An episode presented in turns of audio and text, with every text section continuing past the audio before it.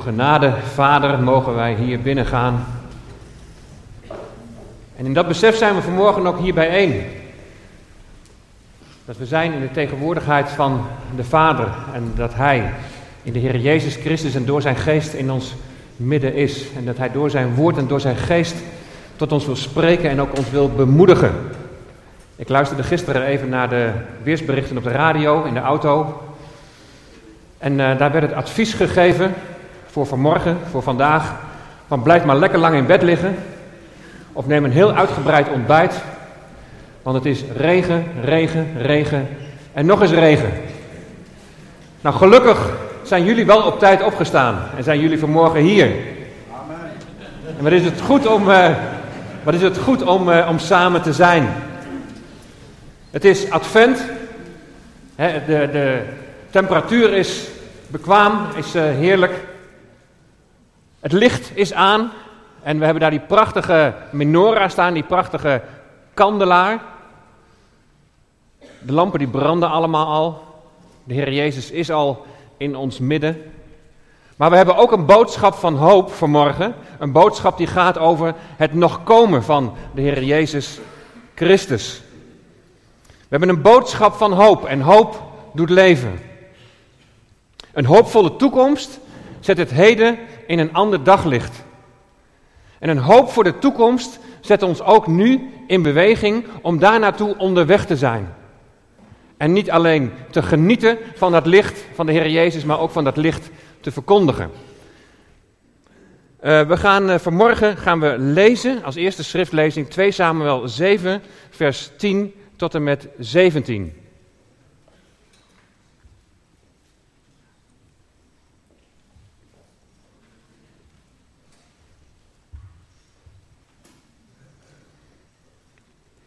En daar lezen we het volgende. Ik heb aan mijn volk, aan Israël, een plaats toegewezen en het daar geplant zodat het in zijn eigen gebied woont en niet meer heen en weer gedreven wordt. En onrechtvaardige mensen zullen het niet meer verdrukken zoals vroeger. En sinds de dag waarop ik richters aangesteld heb over mijn volk Israël, maar ik heb u rust gegeven van al uw vijanden. Ook maakt de Heere u bekend dat de Heere voor u een huis zal maken. Wanneer uw dagen voorbij zijn en u met uw vaderen ontslapen bent, dat gaat dus over David, dan zal ik uw nakomeling na u, die uit uw lichaam voortkomt, doen opstaan en ik zal zijn koningschap bevestigen. Die zal voor mijn naam een huis bouwen en ik zal de troon van zijn koningschap voor eeuwig bevestigen. Ik zal hem tot een vader zijn en hij zal mij tot een zoon zijn. Wat wil zeggen, als hij zich misdraagt, zal ik hem terechtwijzen met een stok als van mensen en met slagen als van mensenkinderen. Maar mijn goede tierenheid zal van hem niet wijken, zoals ik die deed wijken van Saul, die ik voor uw ogen weggenomen heb. Uw huis en uw koningschap zullen voor uw ogen voor eeuwig vaststaan. Uw troon zal voor eeuwig zeker zijn. Overeenkomstig al deze woorden en heel dit visioen, zo sprak Nathan tot David.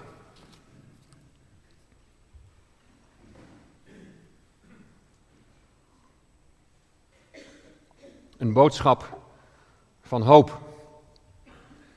Een hoopvolle toekomst. Nou, hier zie je in één oogopslag de, de weg die we tot hiertoe bewandeld hebben om de rode draad door de Bijbel heen te laten zien aan de hand van de verbonden. En het laat ons tot nu toe zien dat God deze aarde en alles wat daarop is, inclusief de mens, dat Hij dat bewust heeft geschapen. En met deze schepping heeft Hij een einddoel voor ogen. En van verbond tot verbond zien we een steeds verdergaande ontwikkeling totdat dat einddoel is bereikt. Wat we daaruit kunnen leren is dat we dus niet zomaar hier op deze aarde zijn. Wat we hier ook uit kunnen leren is dat er te midden van alle ellende die er is in deze wereld, dat er hoop is op een volmaakte toekomst. En die hoopvolle toekomst, die is verbonden aan een naam. Want of je nu stilstaat bij de schepping, of bij Adam, Noach, Abraham, Mozes en zometeen David, voortdurend zie je die heenwijzing en zie je de vervulling in de Messias, in de Heer Jezus Christus. Hij is onze hoop en hij is onze verwachting. Nou, vandaag maken we vanuit Exodus, het verbond met, met Mozes de vorige keer, maken we wel ineens een hele grote sprong.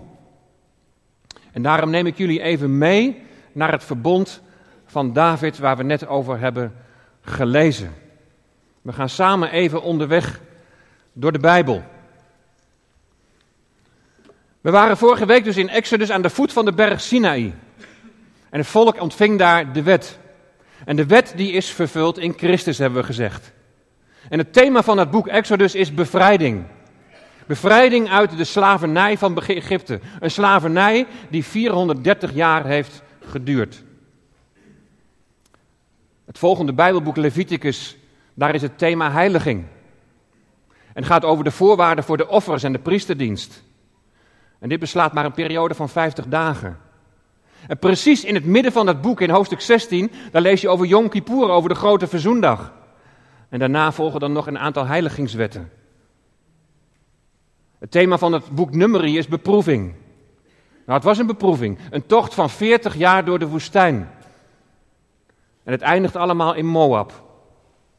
En dan staan ze op het punt om het beloofde land in te, te, te trekken en dan, dan het boek Deuteronomium. Het boek van de voorbereiding.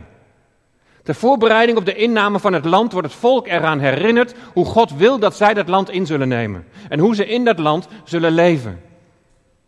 Ze worden herinnerd aan de wet. Dit beslaat een periode van twee maanden. In het Bijbelboek Jozua wordt het beloofde land veroverd en wordt het land verdeeld. En dan volgt een periode van grote afval, van afgoderij. Ze hebben het juist in Egypte achter zich gelaten. En in het beloofde land laten ze zich verleiden door de afgoderij van de Canaanieten.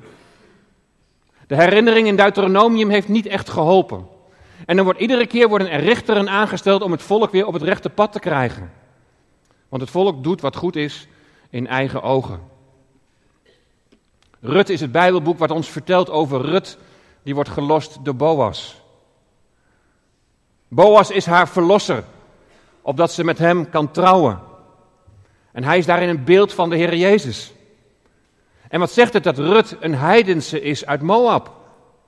Jezus Christus, de Verlosser, is gekomen en door de val van Israël is het heil tot de heidenen gekomen. Door het hele Oude Testament heen zie je al dat God de volken op het oog heeft. Dat Hij dus ook jou op het oog heeft. In 1 Samuel vraagt het volk om een koning.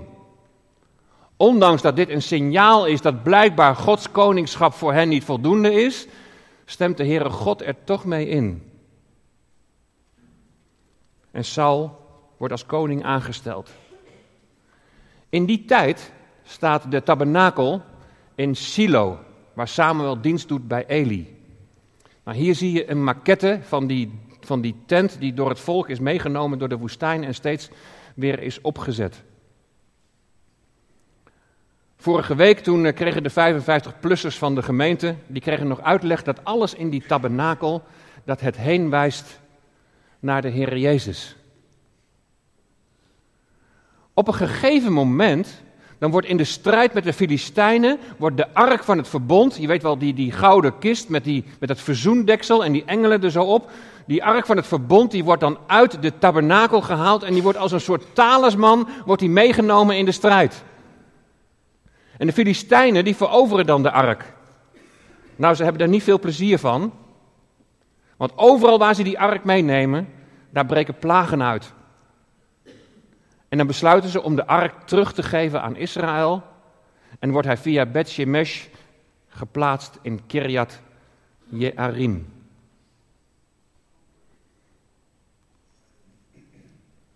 De tabernakel de tent die wordt tijdens de regering van Saul wordt die verplaatst van Silo naar Nop, ligt zo'n 7 kilometer boven Jeruzalem. En aan het eind van zijn regering, in de beginperiode van David, gaat de tabernakel naar Gibeon. Het is allemaal even een aanloop naar het verbond met David. Maar ook even een aanloop naar van hoe zit dat nou eigenlijk met, met, met Jeruzalem? Als Saul sterft, dan wordt David als koning gezalfd in Juda. Hij regeert zeven jaar vanuit Hebron, terwijl de zoon van Saul is Bozet nog regeert over het noordelijke Israël. Dus ook toen had je al een noordelijk rijk en een zuidelijk rijk. En als is Bozet, als die sterft, dan sluit Israël een verbond met Juda en dan wordt David koning gedurende 33 jaar over het hele land Israël. En als dat verbond, als dat gesloten is, dan trekt David vanuit Hebron, trekt hij op naar Jeruzalem. Het is hier misschien niet zo heel duidelijk te zien, maar heb je toch een klein beetje een indruk. Vanuit het zuiden, vanuit Hebron, trekt hij naar Jeruzalem. Jeruzalem dat dan nog Jebus heet. Het is de stad van de Jebusieten. En deze stad, dit stadje, is strategisch gezien om verschillende redenen heel belangrijk. Qua ligging is het heel goed te verdedigen. Er is een waterbron, de bron Gigon. En het ligt ook nog in neutraal gebied tussen Juda en Israël. Dus het is heel goed ter bevordering van de eenheid tussen de volken Israël en Juda. Nou, we lezen nog een klein stukje over die verovering. In 2 Samuel 5, vers 6 tot en met 8. De koning trok met zijn mannen op naar Jeruzalem tegen de Jebusieten. De Jebusieten is van de stad Jebus. Die in dat land woonden. En ze zeiden tegen David: U komt hier niet binnen, want zelfs de blinden en de kreupelen zullen u terugdrijven. Dat wil zeggen, David komt hier niet binnen. David nam echter de vesting Sion, dat is de stad van David, in. David zei namelijk op die dag: Ieder die de Jebusieten wil verslaan, moet de watergang zien te bereiken. Waarom moesten ze de watergang bereiken? Om de watertoevoer af te sluiten. Geen water meer voor de Jebusieten betekende de overwinning voor David. Die tunnel voor die wateraanvoer die is er nog steeds. En hier zie je dat we tijdens die Israëlreis daar doorheen gelopen zijn. En dan lezen we nog één vers verder, in vers 9. En dan staat daar, zo ging David in de vesting wonen en hij noemde die stad van David. En David die bouwde rondom een muur. De stad van David, Jeruzalem. Op de plaats van deze stad is op dit moment een Arabische wijk van Jeruzalem. Maar daaronder, daar zijn ze aan het uitgraven en daar vinden ze onder andere resten van de stad van David. Resten van het paleis van David. Daar bevindt zich ook die tunnel die ik net liet zien, de tunnel van Hiskia. De tunnel van de wateraanvoer die uitkomt in het badwater van Siloam. Nou, ik denk dat deze foto heel bekend is van, van Jeruzalem. Foto zie je veel vaker. Een foto die genomen is vanaf de Olijfberg. En dan zie je voor je, zie je daar het tempelplein. Je ziet daar die gouden rotskoepel. Je ziet aan de linkerkant zie je de Al-Aqsa-moskee. Daar links, daarnaast die muur, daar zie je de trappen van de tempel die daar zijn blootgelegd. En als je veel verder naar links gaat, dat staat er niet op, maar daar bevindt zich die stad van David. Dus die stad van David die bevindt zich eigenlijk buiten de huidige stadsmuren van Jeruzalem, daar links naar beneden. Hier zie je daar een voorbeeld van. De stad van David. Jebus was niet groter dan elf voetbalvelden. En helemaal bovenaan, waar Salomo later de tempel zal bouwen, daar is de berg Moria. Dus dat huidige tempelplein wat u zag met die gouden, rotskoepel en die Al-Aqsa-moskee, dat is dus de plek van de berg Moria, die vind je daar nu in dit plaatje daar bovenaan. Een bijzondere plek. Want in 2 Kronieken 3 vers 1 staat dat daar de Heere aan David is verschenen op de dorsvloer van Ornan, de Jebusiet. In hetzelfde vers staat dat Salomo daar op de berg Moria de tempel gaat bouwen. De dorsvloer van Ornan is dus de berg Moria dezelfde plek waar Salomo de tempel zal gaan bouwen. En in het gebied van Moria gebeurde nog iets. Daar moest Abraham zijn zoon Isaac offeren. En dan is daar een plaatsvervangend offer. Alles wijst heen naar die komende Messias, naar de Heer Jezus. Het plaatsvervangende offer, de tempel, alles wijst naar Hem. De Tenach, het Oude Testament, het is doordrenkt van het vooruitzicht op de komende Messias. En waarom verscheen de Heer daar dan aan David op de berg Moria? David had gezondigd door een volkstelling te houden. En als gevolg daarvan kwam de pest kwam over het land. En de engel van God die de pest bracht, die blijft dan staan bij die dorsvloer van Ornan, van, van Ornan op de berg Moria. David die krijgt vervolgens van God de opdrachten om die dorsvloer te kopen en daar een altaar te bouwen. Ornan die wil het hem gratis geven. Die wil zelfs alles geven wat de mogelijkheid geeft om te offeren. Maar nee, zegt David, ik betaal de volle prijs. De Arabieren hebben op dit moment zeggenschap over het tempelplein. Maar David heeft de volle prijs ervoor betaald. David die haalt daarna de ark van het verbond uit Kiriat Jearim en plaatst die daar dan onder een tijdelijke tentdoek. De tabernakel was nog in Gibeon, is nooit in Jeruzalem opgezet. En dan oppert David het idee in 2 Samuel 7 om een huis voor God te bouwen. En de profeet Nathan die zegt, joh, moet je doen. Je moet doen wat in je hart is. Maar in de nacht fluit God Nathan terug. En hij zegt, ik heb destijds wel opdracht gegeven, heel duidelijk opdracht gegeven, om die tabernakel neer te zetten. En ik heb je precies beschreven hoe het allemaal moest. Maar ik heb toch nu geen opdracht gegeven om een huis voor mij te bouwen? De Heere God die veegt Davids plannen niet gelijk van de tafel, maar hij gaat een verbond met hem sluiten. En zo hebben we de aansluiting met 2 Samuel 7. Wat is Gods woord duidelijk over de status van Jeruzalem? Ik heb aan mijn volk, aan Israël, een plaats toegewezen en het daar geplant, zodat het in zijn eigen gebied woont.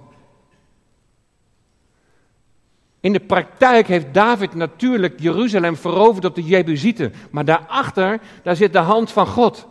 Ik heb het daar geplant. Het gaat zelfs nog een stapje verder. Het is niet alleen een plaats voor zijn volk.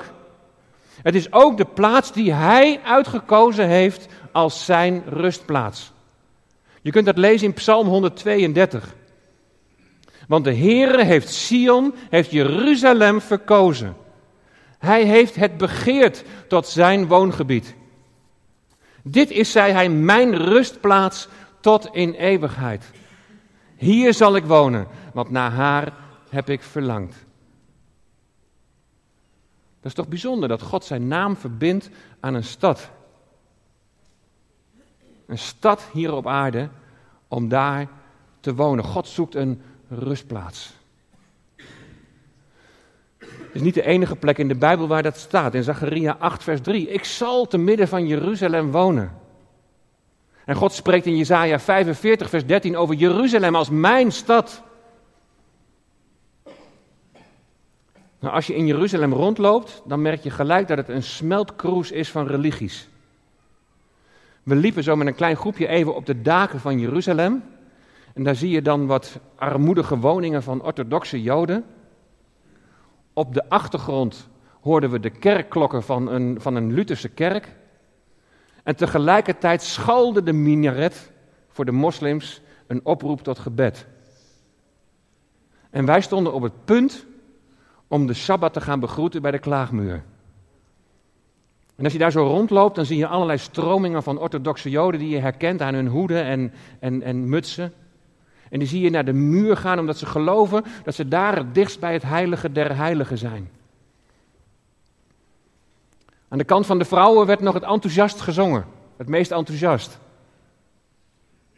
Maar het is de vraag of het iets met, met God of met de Shabbat te maken had. Hava Nagila Hava waren ze enthousiast aan het zingen. Dat is een feestlied, inderdaad. Maar inhoudelijk gezien kun je het op ieder feestje vieren, uh, zingen. Soldaten die gingen vorig jaar gingen ze uit hun dak.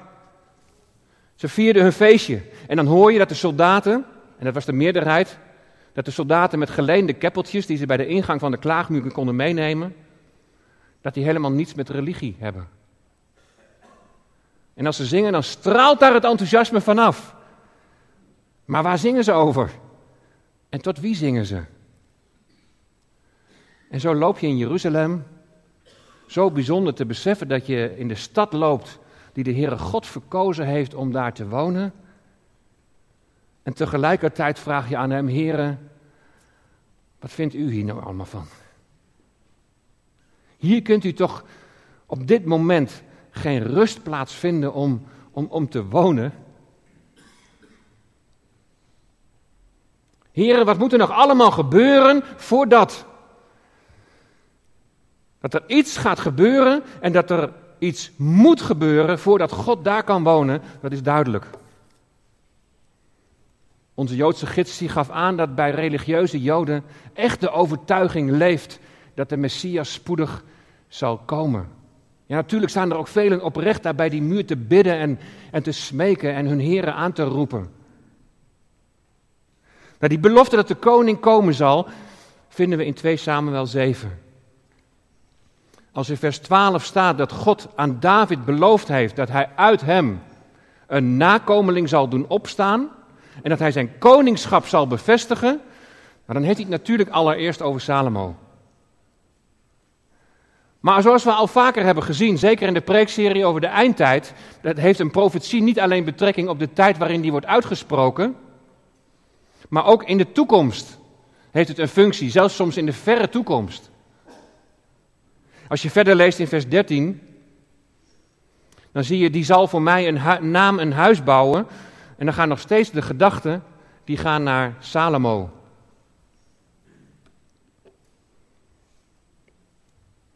Zegt ook niemand dat ik even verder moet klikken, hè?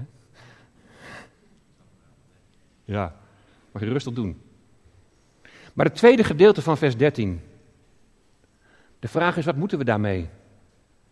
Ik zal de troon van zijn koningschap voor eeuwig bevestigen. En kijk ook maar even mee naar vers 16. Wat een geweldige belofte. Uw huis en uw koningschap zullen voor uw ogen voor eeuwig vaststaan. Uw troon zal voor eeuwig zeker zijn. En daar lopen we een beetje vast. Tenminste, als we het alleen maar op Salomo betrekken. Na Salomo wordt door zijn ongehoorzaamheid het rijk in tweeën gesplitst. Het Noordrijk en het Zuidrijk. En dan duurt het niet lang of beide rijken worden weggevoerd in ballingschap. Geen troon, geen kroon, geen koning, geen tempel. En toch belooft God voor eeuwig.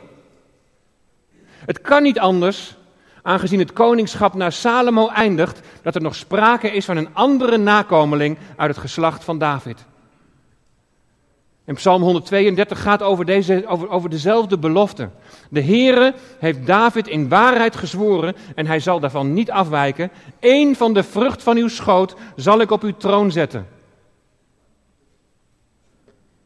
Na de ballingschap wordt de tempel wel weer herbouwd, maar vele jaren geen troon en geen koning der Joden.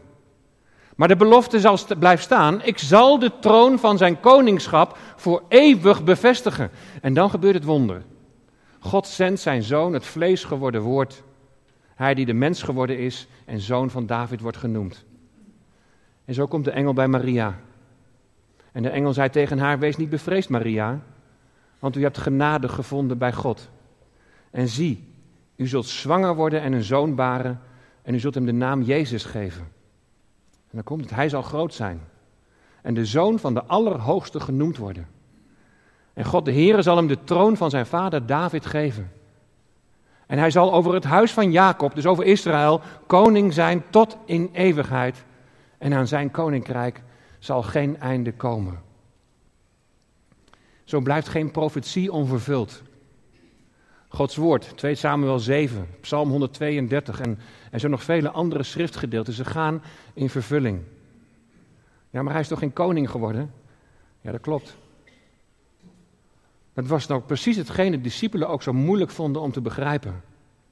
Als Jezus tegen zijn discipelen vertelt dat van de tempel geen steen op de andere zal blijven, dan vragen ze vertwijfeld: wat is dan het teken van uw komst? Wat is dan het teken van, van uw parousia? Wanneer gaat het dan gebeuren? En parousia betekent niet wederkomst, daar zijn ze nog helemaal niet mee bezig. Het betekent, wanneer zult u, Heer Jezus, uw koningschap hier op aarde vestigen? In Matthäus 24 hebben we dat al eens uitgebreid behandeld. En daar kun je zien dat het nog even duurt. Zijn eerste komst was zijn komst als lam, dat stemmeloos was tegenover zijn scheerders. Het lam dat ter slachting is geleid. Maar er komt nog een tijd van verdrukking. Hij heeft het tegen zijn discipelen verteld. En na die verdrukking zal de, het moment zijn dat Jezus zijn koningschap hier op aarde zal vestigen. Dan zal de zoon van David plaatsnemen op de troon. En dan zal de profetie in relatie tot het verbond met David helemaal in vervulling gaan. Dan zal de Messias, dan zal Jezus regeren vanuit Jeruzalem. dit is de boodschap van Advent. De boodschap van verwachting. De boodschap die al deels in vervulling is gegaan bij zijn eerste komst, aangekondigd aan Maria. En ten volle in vervulling zal gaan als hij straks weer komt. De Heere God heeft Jeruzalem verkozen. De stad van David. De stad van de zoon van David. En daar, zegt de psalmdichter in Psalm 132, vers 17, daar zal ik voor David een horen doen opkomen en mijn gezalfde een lamp gereed maken. Koningen in Mesopotamië die droegen een kroon met een, met een horen om daarmee hun macht te symboliseren. Hier wordt in Psalm 132 gesproken over de groeiende macht van David. Beter gezegd, de zoon van David. De gezalfde die in de lijn van David staat. De heerschappij van de Heer Jezus Christus. Dat is het vooruitzicht. En voor die gezalfde wordt door de, Heer, wordt door de Heer ook een lamp opgesteld. En de lamp is het beeld van duurzaamheid. Het koningschap van de Here, van de gezalfde, zal duurzaam zijn. Zal voor eeuwig zijn. Zoals in de belofte staat in 2 Samuel 7. Als we daar zo die prachtige menorah zien. Hier mochten wij hem al aanschouwen. Voor de Hoerva-synagoge op het plein daarvoor. Maar als we daar zo die, die, die prachtige menorah zien. Die lichtgever zien dan mag dat ons eraan herinneren aan het belofte van Jezus koningschap. En dat het koningschap van de Messias, dat het duurzaam zal zijn. Dat het voor eeuwig zal zijn. Als we daar zo die prachtige menorah zien, dan mag het je herinneren aan Psalm 62, waar staat dat hij zijn aangezicht zal lichten over zijn kinderen. Zo eindigen we vandaag weer met het licht. Het licht van Advent, het licht van de verwachting. Jezus komt. Hij die nu al bij je is als je in Hem gelooft. Het is ook geen toeval dat de menorah dat die zeven armen heeft. Of eigenlijk een middenstuk met aan weerszijden drie armen. Zeven is, zeven is het getal voor Gods volmaaktheid. Zoals je in de regenboog zeven kleuren kunt onderscheiden. Zoals er zeven dagen zijn in de schepping. Met de zeven armen van de menorah in het heiligdom van Israël, eerst in de tabernakel, later in de tempel, laat God zien dat Hij in hun midden is. Hij is in hun midden en straks zal Hij in hun midden zijn en zijn koningschap zal duurzaam zijn, zal voor eeuwig zijn. En Hij zal zijn aangezicht lichten over zijn kinderen. En zo is Hij bij jou bij mij, zo is hij nu bij ons. Dat maakt dat die hoop voor de toekomst, dat het dat geen sprookje is, maar werkelijkheid. We gaan zo meteen zingen. En het lied zegt: Een hoop die zeker is, een groot geheimenis, beloofd door God, is nu aan ons onthuld. Als een volmaakte schat die heel Gods plan omvat. Christus in ons, Hoop op Gods heerlijkheid. door deze serie van de verbonden wordt een groot geheimenis wordt onthuld. De belofte dat God zal regeren. De belofte dat Hij deze schepping tot zijn bestemming zal brengen. En dat in Christus het einddoel zal worden bereikt. In Hem herstel en vrede en gerechtigheid. Dit is de Oostpoort. De Gouden Poort wordt hier ook wel genoemd. De koning komt. Hij zal regeren. En wij die in Christus zijn met hem. Zometeen gaan we de maaltijd vieren tot zijn gedachtenis. Het is de maaltijd die ons bepaalt bij zijn sterven. Het lam dat ter slachting is geleid. En dat maakt ons nederig en dat maakt ons stil. Maar het is ook de maaltijd die ons bepaalt bij de leeuw van Juda. Die aan het kruis de machten van de duisternis versloeg. En die straks definitief uh, teniet gedaan zullen worden. Dan zal het louter licht zijn. En geen spoor meer van duisternis. En de oproep aan ons is: laat je leven daar een afspiegeling van zijn. Dat je in je handel en wandel in deze wereld, door je gedrag, in je gedachten, in je liefhebben van God, in het liefhebben van je naaste, de heerlijkheid van God zult weerspiegelen. Christus in ons, hoop op Gods heerlijkheid. Wat een geweldige boodschap van hoop. We zijn hier niet meer zomaar, we zijn, we zijn samen zijn we onderweg. En samen gaan we in Jezus voetspoor. Maar we hebben een geweldige hoop die voor ons ligt. En van die geweldige hoop die voor ons ligt, daarvan mogen we getuigen. En dan mogen tegen al die mensen die vanmorgen lang in bed zijn blijven liggen, of die misschien een uitgebreid ontbijt hebben gemaakt, mogen we zeggen, er is hoop. En hoop doet leven. Zie naar die geweldige hoop die voor ons ligt. Je leeft niet zomaar. Je leeft ergens voor. Christus in ons. Hoop op Gods heerlijkheid. Laten we die heerlijkheid weer spiegelen. En laten we getuigen zijn, blije getuigen zijn van de hoop die in ons leeft. De Heere zegen u en behoede u. De Heere doe zijn aangezicht over u lichten en zij u genadig. De Heere verheffen zijn aangezicht over u en geven u shalom, vrede. Amen.